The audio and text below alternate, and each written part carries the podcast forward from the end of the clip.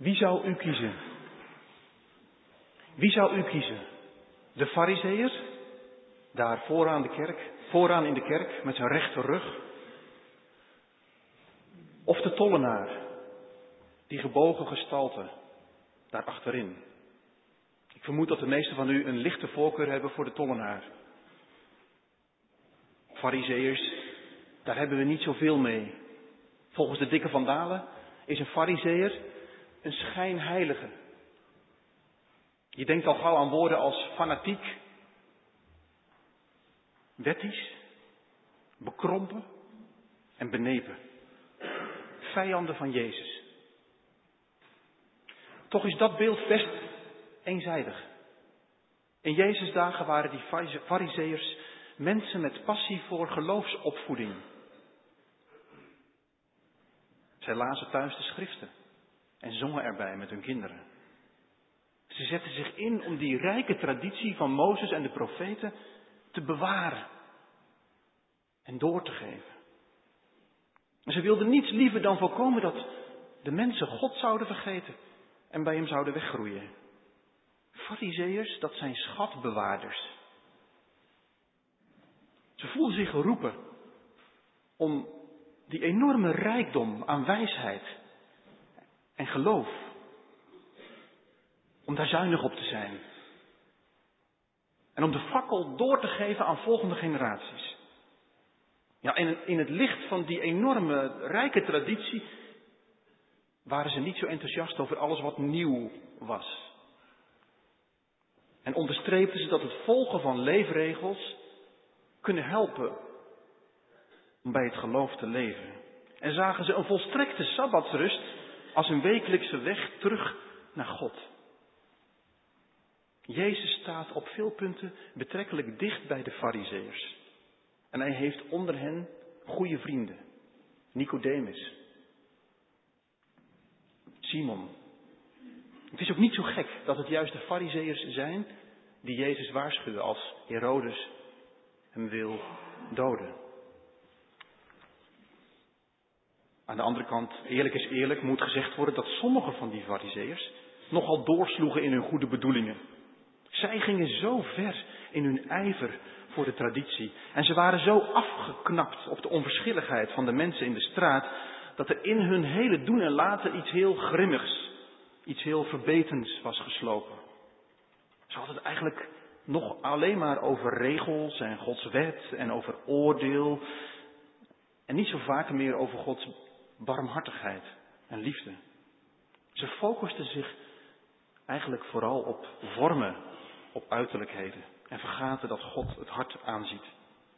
Wel zo'n doorgeslagen fariseer ontmoeten we in onze Lucas-lezing.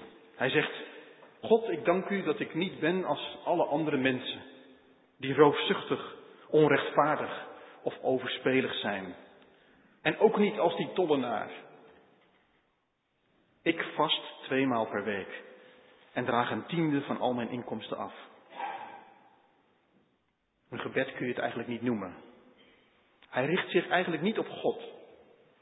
Er klinkt geen aanbidding door, of lof, of dank.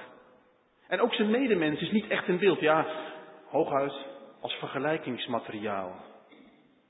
Nee, deze mens is vooral met zichzelf bezig. Wie hij is wat hij te bieden heeft. Hij heeft een bepaalde naam en reputatie opgebouwd. Maar in hoeverre is deze mens nu echt de mens die hij denkt dat hij is? Hij wil zo graag een voorbeeld zijn voor anderen.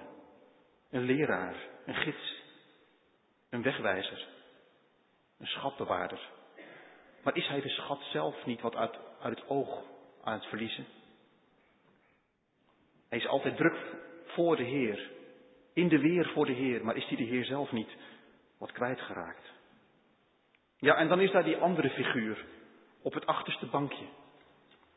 We hebben al snel een zwak voor hem, maar laten we er alsjeblieft geen knuffeltollenaar van maken. Hij heeft terecht reden om zich te schamen. Als hij in de spiegel kijkt, ziet hij ook niet de mens die hij altijd had willen worden. Hij is geen zegen voor de gemeenschap. En hij heeft niet veel licht en warmte verspreid. Hij heeft geen levenslange vriendschappen onderhouden en anderen niet erg gelukkig gemaakt. Rond hem altijd veel spanning, conflict situaties en stress. Veel donkere bladzijden, waar hij zich eigenlijk best voor zou moeten schamen. En dat ook doet. Want het verschil tussen die man daar achterin, die gebogen gestalte en die figuur met die rechte rug, is dat die achterste in de spiegel durft te kijken. En niet blij is met wat hij ziet. In zijn eigen gezicht en zijn eigen hart. Hij durft zijn blik niet naar de hemel te richten, slaat zich op zijn borst en zegt, O God, wees mij zondaar genadig. Weet u, ik denk dat deze twee gestalten daar in die tempel best het een en ander van elkaar zouden kunnen opsteken. Die fariseer bijvoorbeeld, die zou best een poosje naast die tollenaar kunnen gaan staan, daar voor die spiegel. En zich kunnen afvragen, ben ik nu echt blij met de mens die ik daar zie staan? Hij zou best eens een poosje op het achterste bankje kunnen gaan aanschuiven. Een beetje in de luwte, niet zo in het zicht. Om minder bezig te zijn met wat de mensen van hem denken en meer naar binnen te kijken. In besef dat God het hart aanziet. Maar het zou voor de tollenaar ook helemaal geen kwaad kunnen als hij zijn poosje zou stage lopen bij de fariseer. Zou leren nadenken over geworteld zijn in een rijke, lange traditie. Waarin je wijsheid leert van hen die je voorgingen. Waarin je de voetstappen leert drukken van je voorvaderen en jezelf traint in bidden en vasten en geven. Om zo een zegen te zijn voor je, voor je medemens en hen te dienen.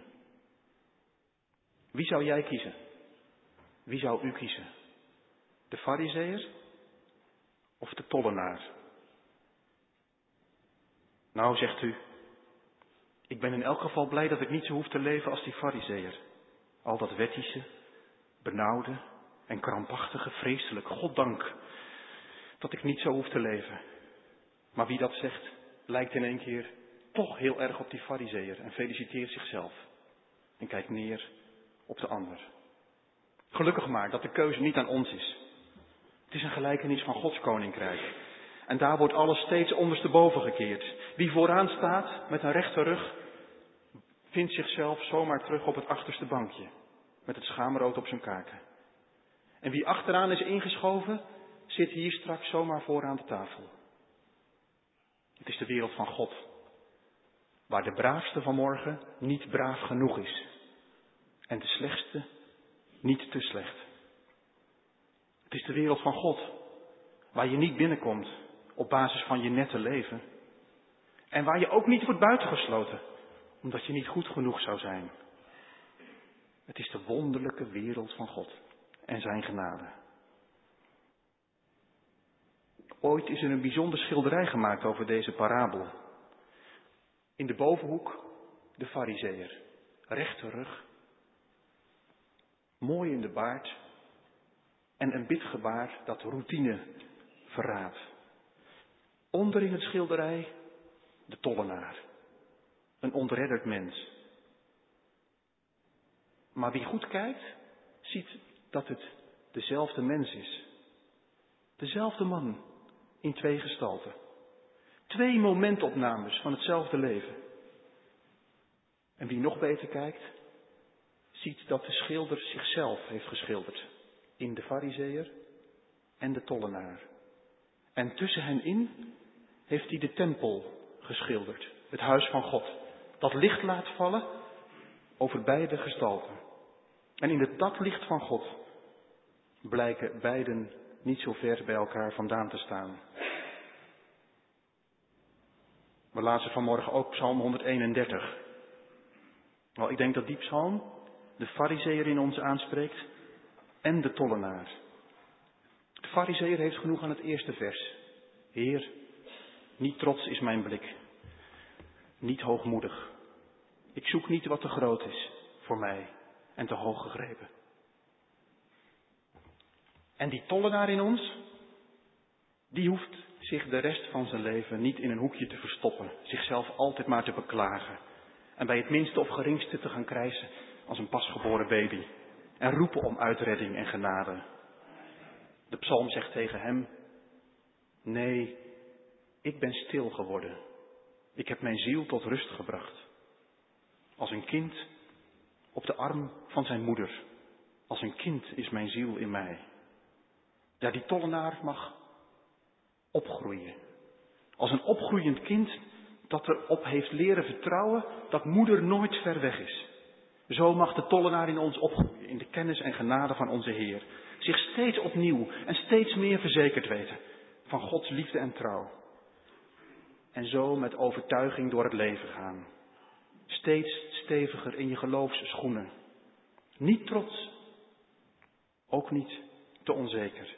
Vol vertrouwen op Gods belofte en gehoorzaam aan zijn geboden.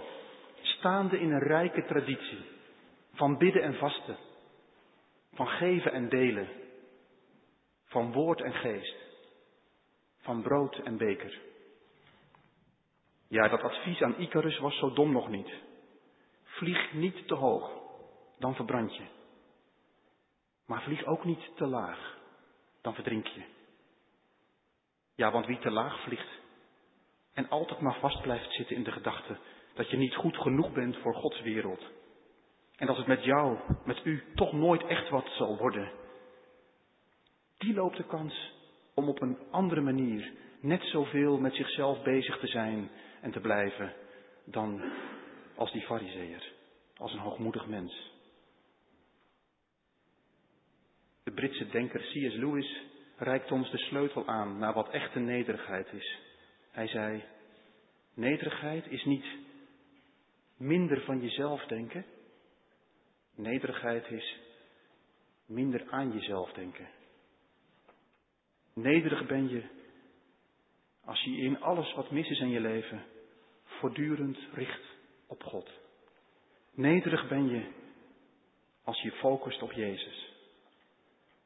Echt nederig ben je als je durft te leven van Gods belofte. Ja, nederig bent u, jij en ik, als je durft te leven van genadebrood. Amen. Wij zingen als antwoord op de preek uit de Maranatenbundel Abba, Vader, na een muzikaal intermezzo.